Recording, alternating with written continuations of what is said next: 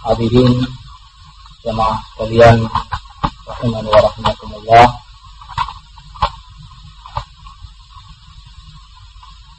Sebelum kita memasuki pelajaran kitab Riyadhus Shalihin karya Imam Nawawi rahimahullah ada hal penting yang perlu kita perhatikan bersama yaitu diriwayatkan oleh Amr bin As radhiyallahu anhu sahabat. Bahwa Amr bin As menyatakan aku menulis setiap apa yang diucapkan Rasulullah Sallallahu Alaihi Wasallam. Dan hal itu terdengar oleh Yahudi sehingga kata orang Yahudi Ya Amr bin Al-As taktubu an Rasulillah basharun mithluna yaghdabu wa yarda Bagaimana kamu menulis segala sesuatu yang diucapkan Nabi Padahal dia juga manusia biasa seperti kita. Kadang emosi, kadang marah, kadang dalam keadaan tenang. Karena bimbang, Amr bin As mengajukan hal itu kepada Rasulullah Sallallahu Alaihi Wasallam dan Rasulullah sebutkan kepada Amr, Ya Amr, uktub Fawalladhi nafsi biyadih ma kharaja min hadza illa al-haq. Amr, teruslah engkau menulis. Tulis setiap apa yang kau dengar dariku demi yang jiwaku ada di tangannya yaitu Allah. Tidaklah keluar dari ini sambil dia menunjuk ke lidah beliau Sallallahu Alaihi Wasallam kecuali hak, kecuali benar. Hadis ini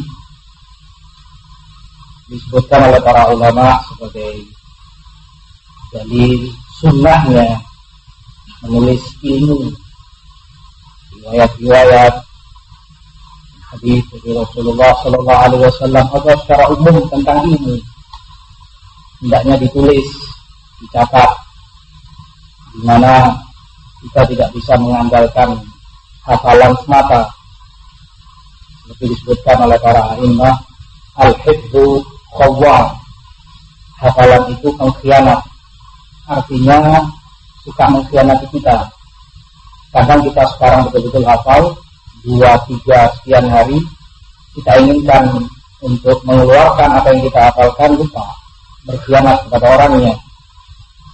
Seperti itu kata Imam Fatih rahimahullah ilmu itu ibarat buruan dan menulis itu eh, ikatannya, jalannya.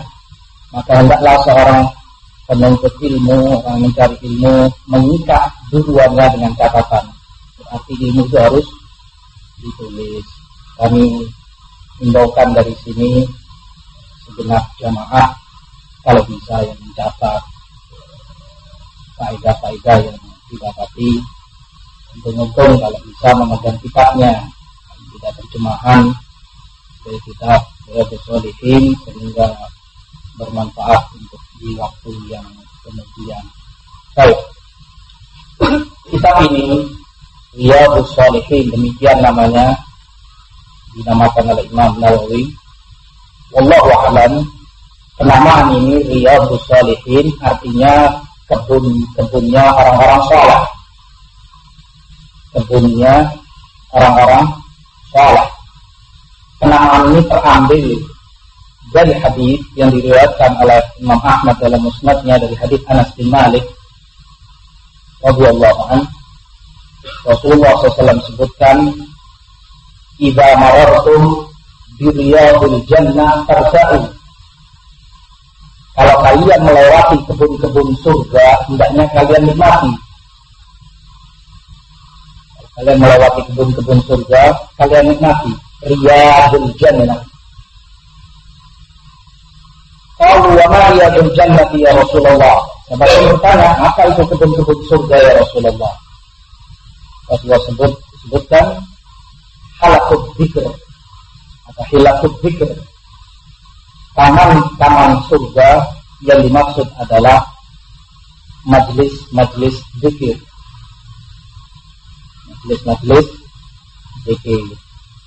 Dari sinilah penamaan kitab Riyadus Salihin, taman atau kebunnya orang-orang soleh, yaitu taman-taman surga yang Rasulullah perintahkan kalau melewati majelis tersebut untuk dinikmati. Ini sebagaimana kita melewati taman, kita duduk di sana, menikmati pemandangan yang indah, hawa yang sejuk. Demikian pula di majelis-majelis itu Rasulullah anjurkan untuk duduk, mendengarkan dan mempelajari apa yang disampaikan di sana.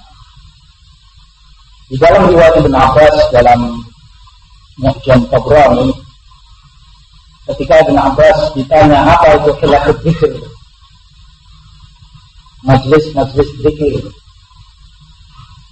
disebutkan di sana majalisul ilm majlis zikir itu yang, dimak yang dimaksud majlis ilmu majlis ilmu sehingga pengertiannya lebih umum lebih luas dari sekedar majlis yang di sana dibaca subhanallah, alhamdulillah, illallah dan yang semakna dengan itu. Bukan hanya itu majlis zikir, itu betul termasuk majlis zikir. Namun yang lebih luas dan lebih mulia dari itu, majlis yang di sana dibahas ilmu syariat. Oleh sebab itu kata Imam Atta Ibn Abi Rabah, murid Ibn Abbas, majlis zikir itu adalah majlis halal wal haram Majelis yang dibahas di sana apa yang halal, apa yang haram. Majelis yang dibahas di sana bagaimana Anda menikah, apa cara pernikahan di dalam syariat. Bagaimana Anda cerai, bermuamalah dengan istri. Bagaimana Anda berjual beli dan segala eh, aktivitas yang diatur dan diajarkan dalam syariat. Itulah pengertian majelis zikir dan itulah yang disebut Rasulullah sebagai riyadul jannah, taman-taman surga, taman-taman yang orang-orang soleh. Itulah sekilas tentang penamaan Imam Nawawi rahimahullah dari kitab beliau Riyadus Salihin. Karena di sana dalam kitab ini beliau bawakan hadis-hadis tentunya sebagai bekal bagi seorang muslim di dalam kehidupan sehari-harinya ilmu yang bersumber kepada Rasulullah Shallallahu Alaihi Wasallam tentang halal, tentang haram, tentang akhlak, tentang adab, ibadah dan lain sebagainya. Hadis yang pertama yang dibawakan oleh Imam Nawawi rahimahullah adalah hadis Umar bin Al-Khattab radhiyallahu anhu Bab pertama yang beliau bawakan adalah bab al-ikhlas. Bab tentang keikhlasan. Hadis Umar bin Al-Khattab Rasulullah sallallahu alaihi wasallam qala innamal a'malu binniyat wa innama likulli imri'in ma nawa. فمن كانت هجرته إلى الله ورسوله فهجرته إلى الله ورسوله ومن كانت هجرته إلى الدنيا يصيبها أو امرأة ينكفها فهجرته إلى ما هاجر إليه dari sahabat Umar bin Khattab Rasulullah sebutkan amalan itu tergantung niatnya amalan itu tergantung niatnya dan masing-masing orang akan mendapati apa yang dia niati maka barang siapa yang hijrahnya kepada Allah dan Rasul maka pahala hijrah itu akan dia dapati di sisi Allah. Dan barang siapa yang hijrahnya untuk mendapati dunia atau mengejar wanita untuk dia nikahi, maka hijrahnya pun sebatas apa yang dia kejar, mendapati dunia atau wanita. Sementara pahala di sisi Allah tidak dia dapati. Bab yang pertama ini babul ikhlas keikhlasan ini merupakan perintah Allah kepada kita kaum mukminin di dalam beribadah kepada Allah. Dalam surat Al-Bayyinah Allah sebutkan wa ma umiru illa liya'budullaha mukhlishina lahud-din hunafa wa yuqimus shalah wa yu'tuz zakat wa dzalika dinul qayyimah. Tidaklah mereka diperintah kecuali untuk ikhlas kepada Allah dalam beribadah dan hunafa menyimpang. Diperintah untuk menyimpang dari mensekutukan Allah dalam niat kepada yang lainnya. Meninggalkan niat-niat lain untuk selain Allah. Mendirikan salat dan menunaikan zakat dan itulah agama Allah yang lurus.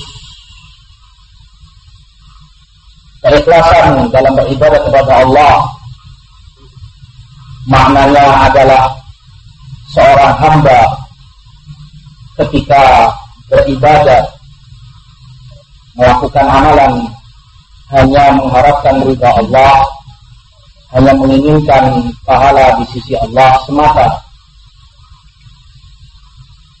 Bagaimana dalam firman Allah yang lain, Fa'budillah mukhlisan lahuddi.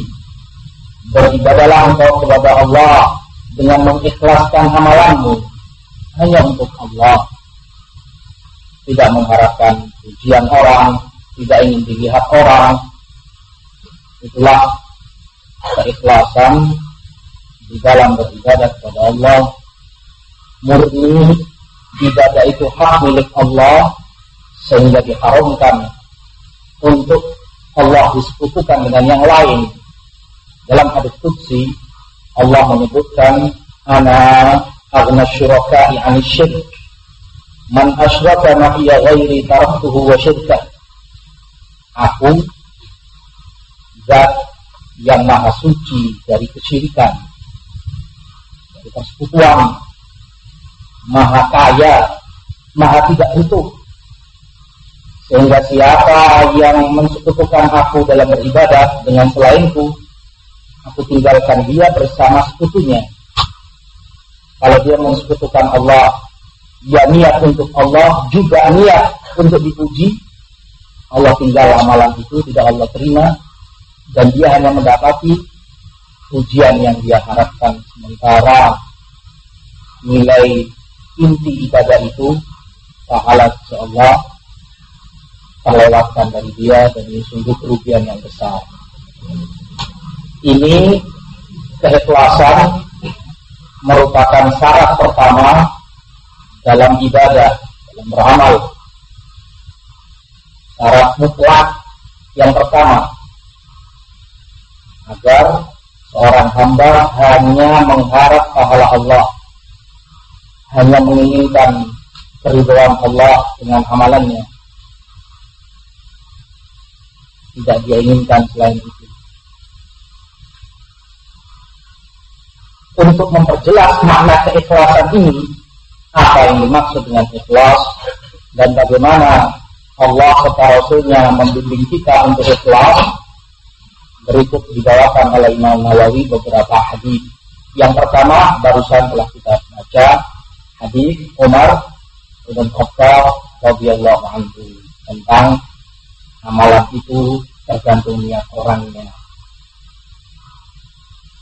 Hadis ini demikian diriwayatkan oleh Bukhari dan Muslim dan seluruh para imam Abu Dawud, Nasai, Tirmidzi dan Ibnu Majah dan seluruh imam-imam hadis lainnya. Dari sahabi Umar bin Khattab Sebelum kita memasuki hadis, perlu kita sedikit mengenal biografi Umar bin Khattab karena beliau yang meriwayatkan hadis ini dan menyampaikannya kepada kita. Dan hak beliau untuk kita kenal sedikit banyak tentang gambaran siapa beliau.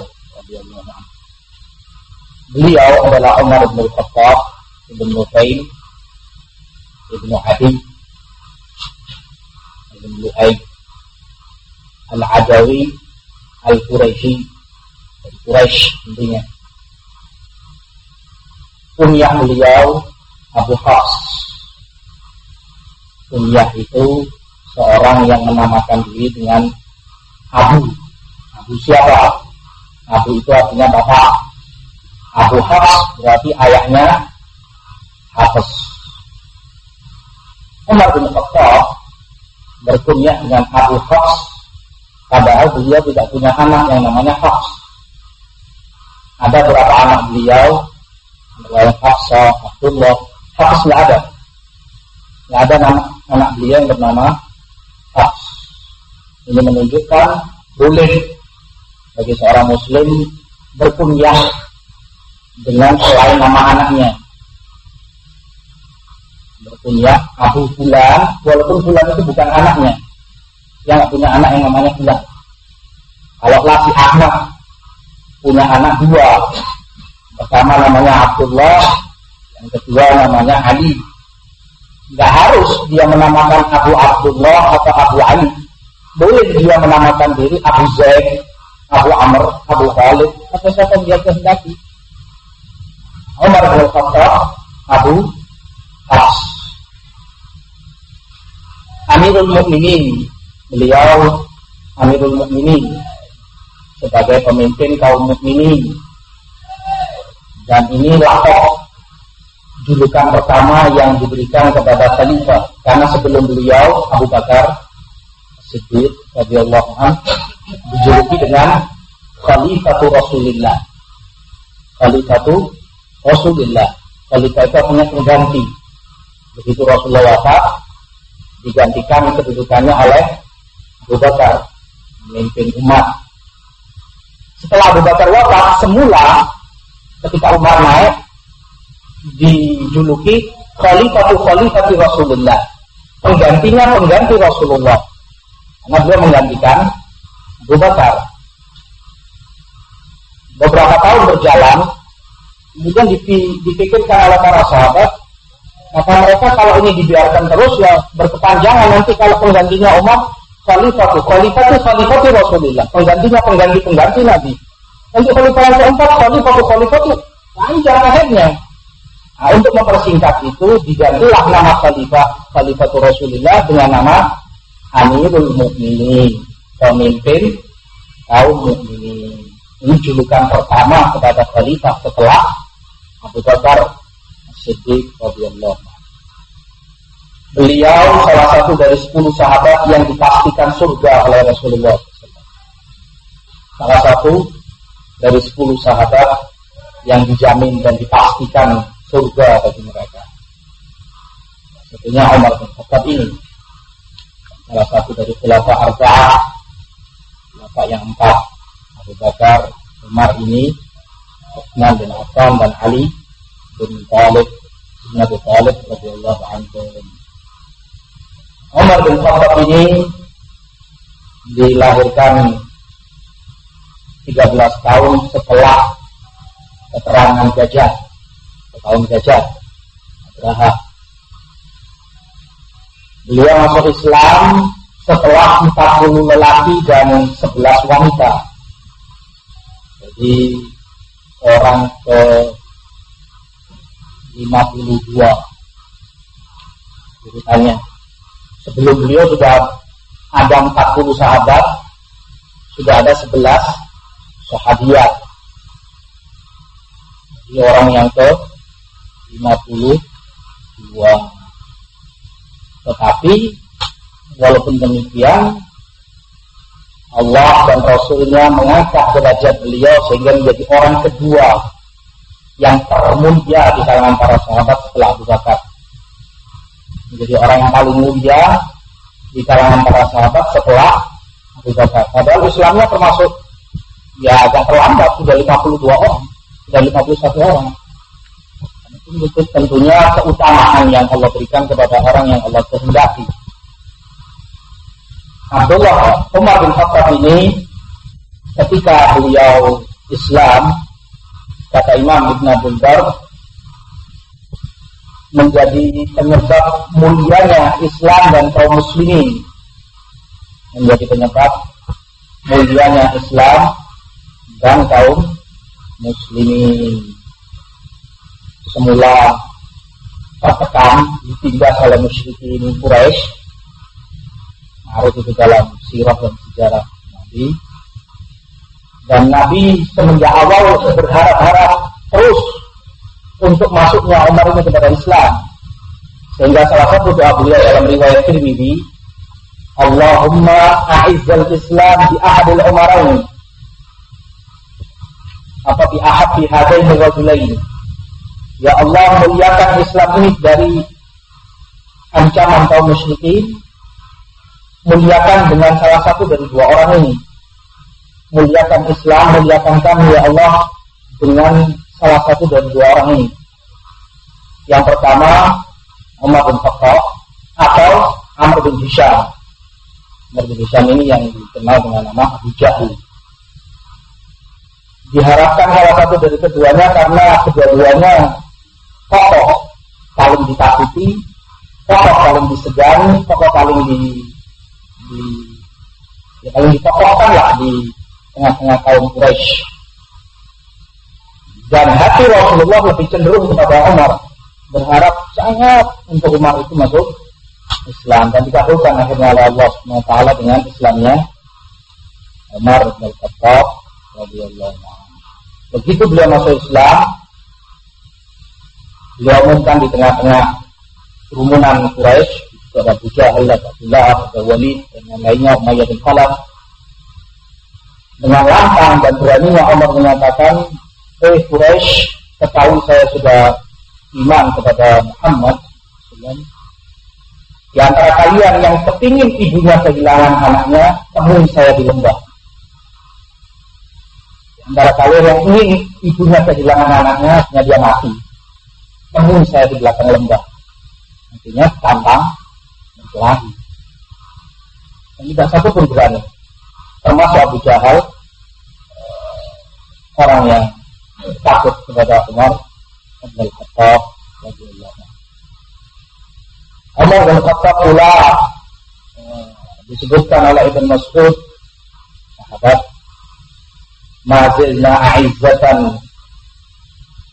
mundu aslama Umar kami para sahabat terus dalam keadaan mulia semenjak Islamnya Umar bin Khattab.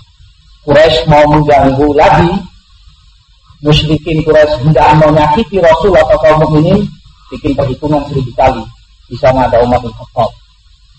Salah satu eh, kemuliaan beliau atau keutamaan yang beliau miliki Fadail dalam riwayat Bukhari Muslim dari saat bin Abi sabda Rasulullah Iyad lal khattab Walladhi nafsi biyadih malaki apa syaitan salikan fajjan illa salaka fajjan ghairu fajjik Wahai Ibn Khattab Umar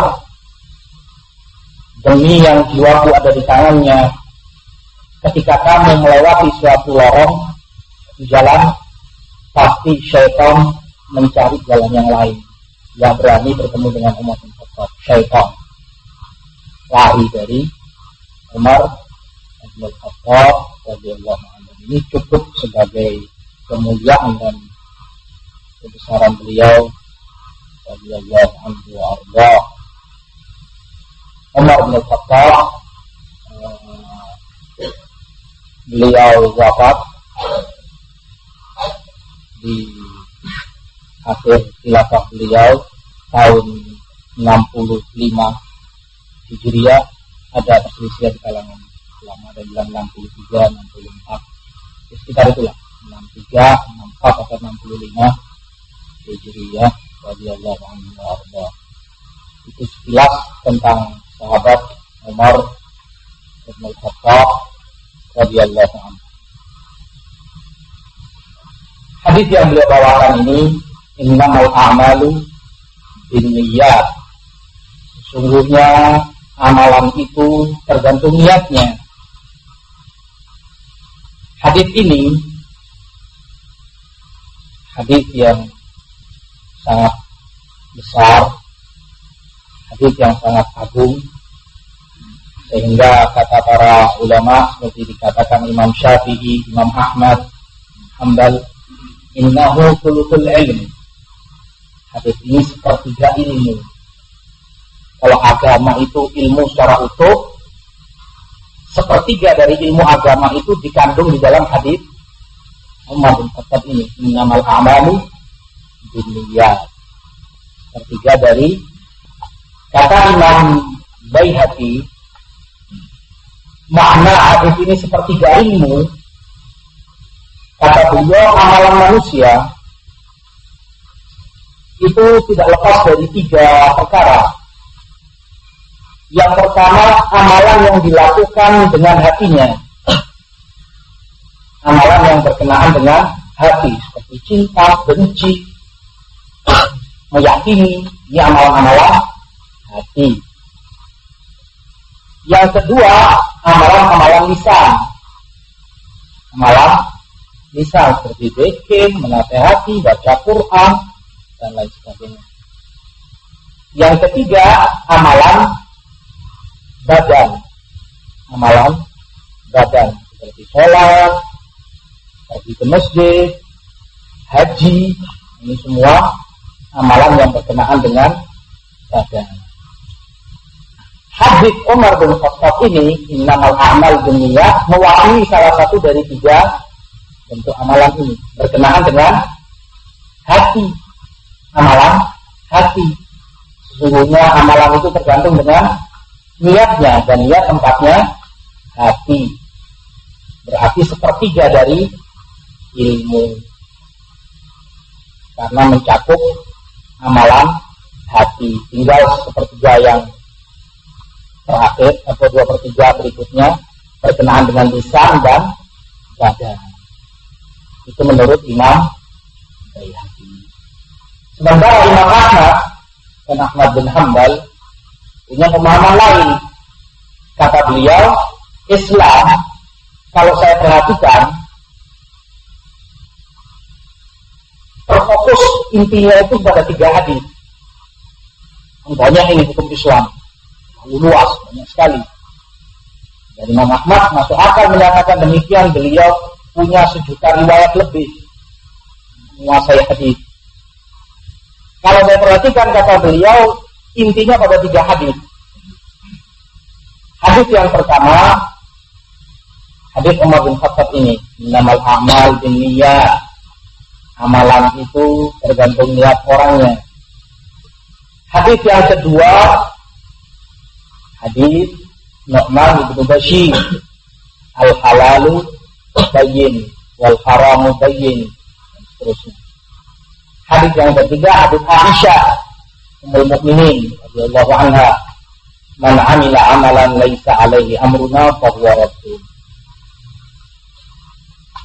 Keterangannya menurut Imam Ahmad Islam itu kalau mau diringkas sudah tersebutkan di dalam hadis Nu'man bin Bashir al halal bayyin wal haramu bayyin yang halal itu jelas. Allah sebutkan di dalam ayat-ayatnya, Rasulullah sebutkan dalam hadis-hadisnya. Dan yang haram pun sudah jelas. Yang haram disebutkan oleh Allah dalam ayat-ayat Quran dan disebutkan pula oleh Rasul dalam hadis-hadis beliau.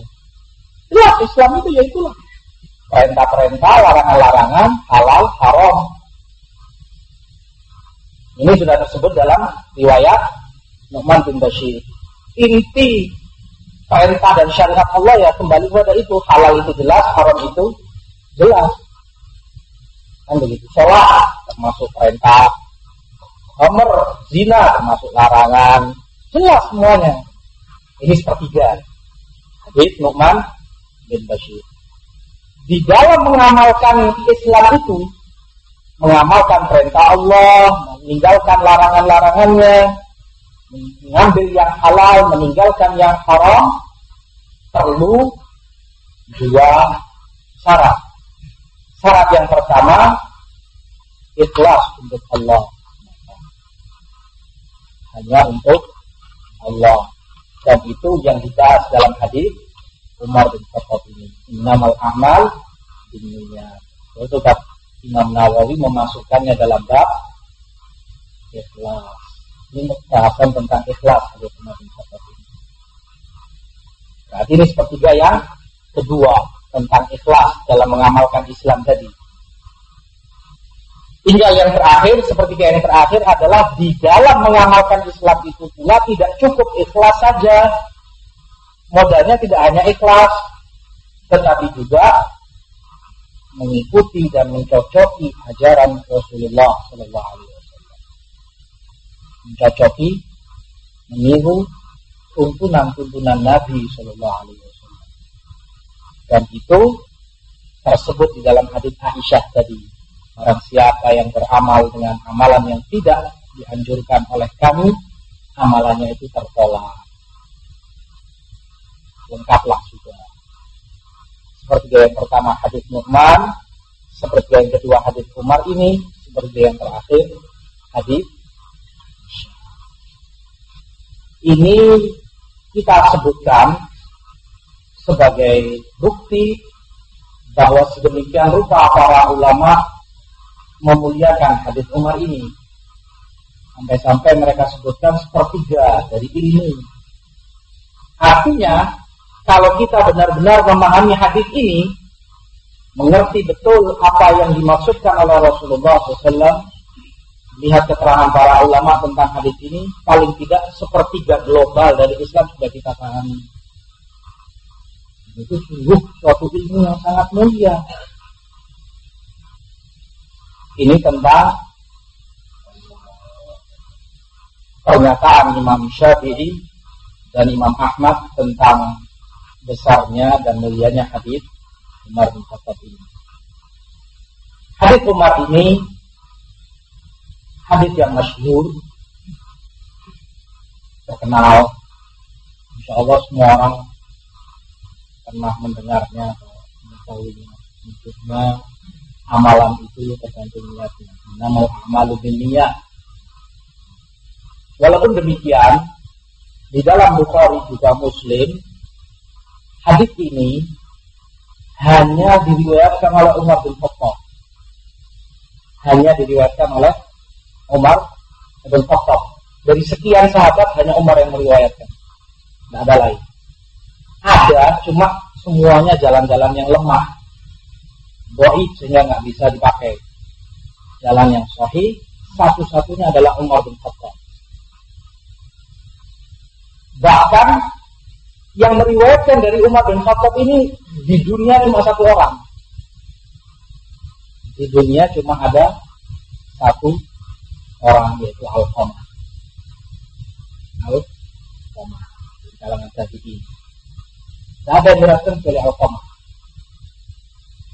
Bahkan dari Al-Qamah ini nggak ada yang meriwayatkan kecuali satu orang juga. Namanya Muhammad bin Ibrahim Ad-Daini.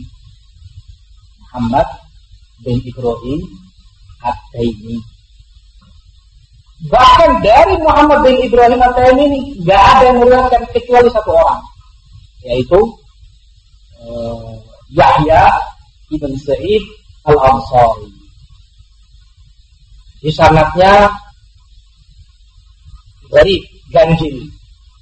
Betul-betul tunggal itu yang meriwayatkan Yahya bin Sa'id. Dia hanya meriwayatkan dari satu orang, Muhammad bin Ibrahim. Muhammad hanya meriwayatkan dari Al-Qamah. Al-Qamah hanya meriwayatkan dari Umar bin Khattab. Gak ada sama kecuali ini dari hadis ini. Padahal hadisnya sangat terkenal. Nah, dari Yahya bin Said ini, kemudian hadis ini tersebar. Diriwayatkan, yang meriwayatkan dari Yahya bin Said ini disebutkan lebih dari 700 ulama, 700 perawi. Dari Yahya bin Said. Tetapi ke atas ya cuma satu-satu tadi. Mengapa ini kita jelaskan? Untuk membantah. Untuk membantah pernyataan sesat bahwa hadis ahad itu tidak bisa dipakai di dalam agama. Hadis ahad maksudnya hadis yang diriwayatkan oleh satu orang. Nah, bisa itu meragukan hadis ini semua muslimin mensepakatinya.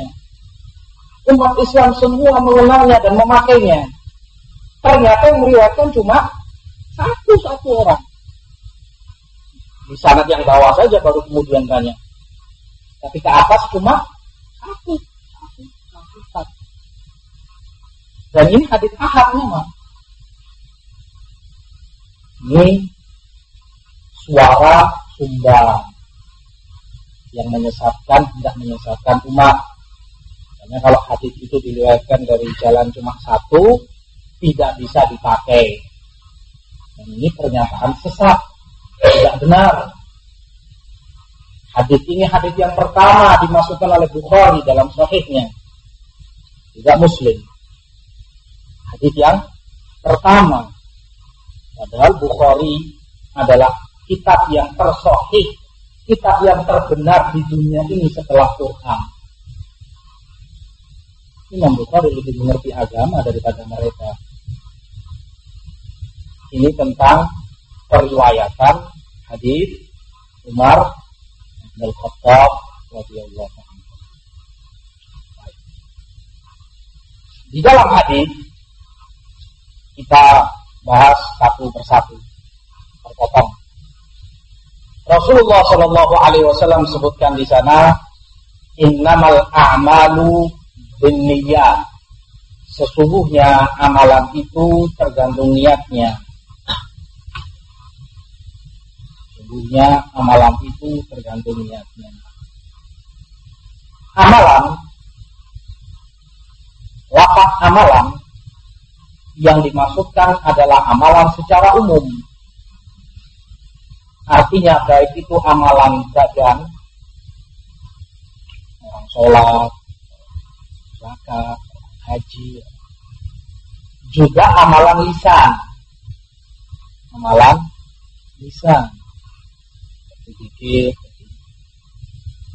doa. Ini semua makna dari amalan amalan ini baik itu amalan badan, amalan hati, amalan lisan, semuanya tergantung dengan niat orangnya. Tergantung dengan niat orangnya. Kata Imam Ibnu Daqiqil maknanya tergantung dengan niatnya itu salah satu dari dua kemungkinan yang pertama, sah tidaknya amalan itu. Sah atau tidaknya suatu amalan tergantung dengan niatnya. Makna yang kedua, sempurna atau tidak sempurnanya amalan tergantung dengan niatnya. Itu yang dimaksud amalan itu tergantung dengan niatnya. Tergantung yang dimaksud itu imasak atau tidaknya atau sempurna atau tidak sempurna. Dan amalan yang dimaksud di sini adalah amalan-amalan yang disebut oleh Allah atau Rasulullah Shallallahu Alaihi Wasallam. Amalan-amalan Islam yang dimaksud adalah amalan-amalan Islam orang sholat sah atau tidak sholatnya tergantung niatnya. Atau kemungkinan kedua tadi? Sempurna atau tidak sholatnya tergantung niatnya. Orang mau haji sah atau tidak hajinya tergantung niatnya. Atau sempurna atau tidak hajinya tergantung niatnya. Atau amalan-amalan yang lainnya silahkan dimasukkan dalam kaidah ini. Amalan-amalan yang dimaksud hanyalah amalan-amalan amalan yang disyariatkan oleh Allah dan Rasulnya. Begitu kata Imam Ibnu Daqiq Kenapa demikian? Karena ada sebagian orang menyalahgunakan hadis ini bahwa amalan itu tergantung niatnya. Padahal amalan itu bukan amalan Islam amalan itu dari awal sudah bukan perintah Allah, sudah bukan ajaran Rasul. Disalahgunakan dengan menggunakan hadis ini. Ya, amalan itu kan tergantung niatnya, tergantung niat orangnya. Misal, orang melakukan kemaksiatan Allah melakukan kemaksiatan entah itu pacaran. Atau apalah ketika ditegur tak boleh. Oh, siap. Dibantah amalan itu tergantung niatnya. Ya salah. Itu bukan amalan Islam bukan perintah Allah bukan ajaran nabinya. Sehingga jangan disangkut pautkan dengan hadis Umar bin Khattab Rasulullah sebutkan amalan tergantung yang niatnya. Itu amalan-amalan Islam. Amalan-amalan yang disyariatkan oleh Allah dan Rasulnya. Bikin kontes petis indah. Atau apalah. Lomba di antara wanita. Itu haram. Bagaimana disaksikan lelaki? Wah amalan itu tergantung niatnya nggak bisa bukan demikian makna hadis yang Rasulullah sebutkan ini amalan tergantung niatnya itu amalan-amalan Islam sehingga kalau dari asal amalan itu bukan ajaran Islam, ya sudah gak ada sangkut pautnya dengan hadis ini. Dari asalnya sudah amalan gitu. amalan yang gak akan dilihat oleh Allah Subhanahu wa taala. Kelanjutannya kata Imam Ibnu Daqiq rahimahullah kalau dilihat dari keumuman syariat kalau tidak dari keumuman syariat bahwa amalan itu tergantung niatnya itu lebih banyak dilarikan kepada makna sah atau tidaknya? Sah atau tidaknya amalan itu? Kalau dilihat dari keumuman syariat keumuman dalil-dalil yang ada amalan itu lebih banyak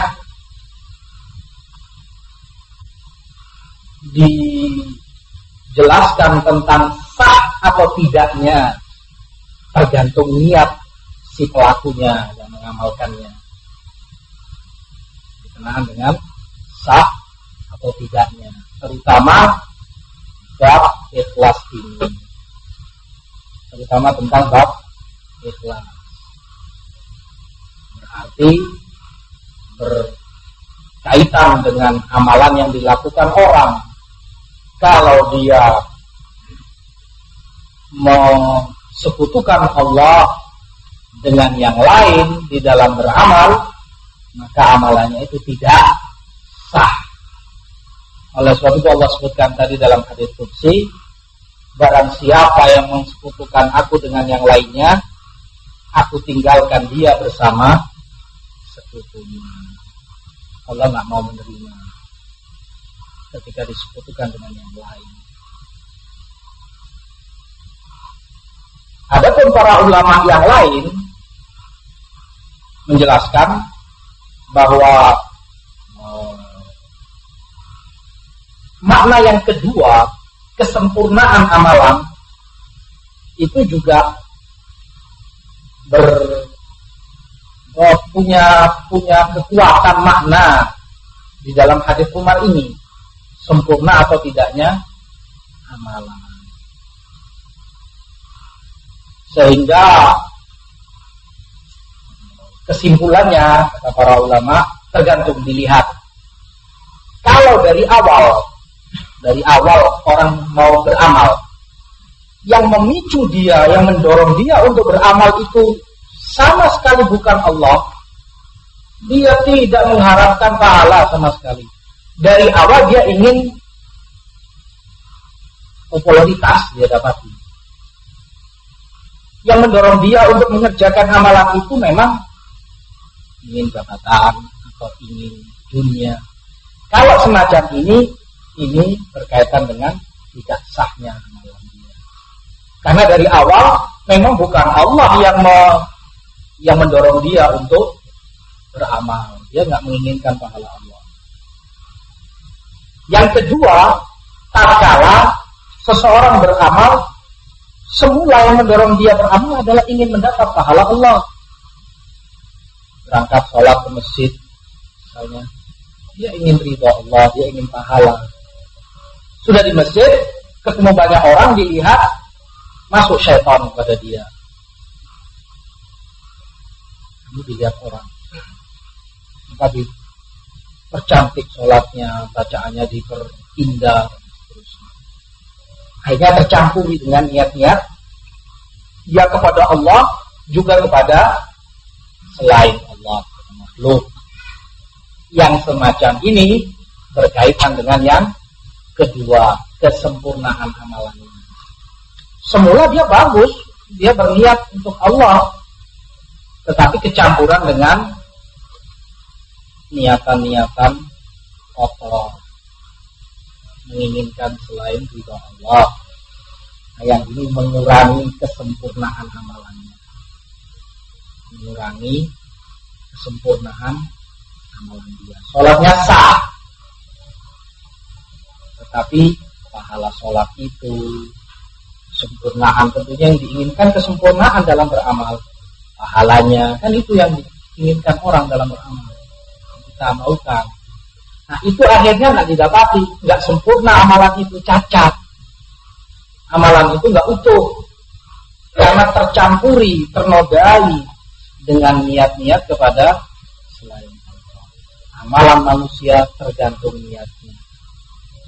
Nah, kalau dia campuri dengan niatan kepada selain Allah, maka amalannya itu berkuranglah kesempurnaan.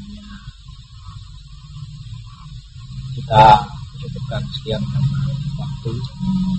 Allah taala alam. Muhammad sallallahu alaihi wasallam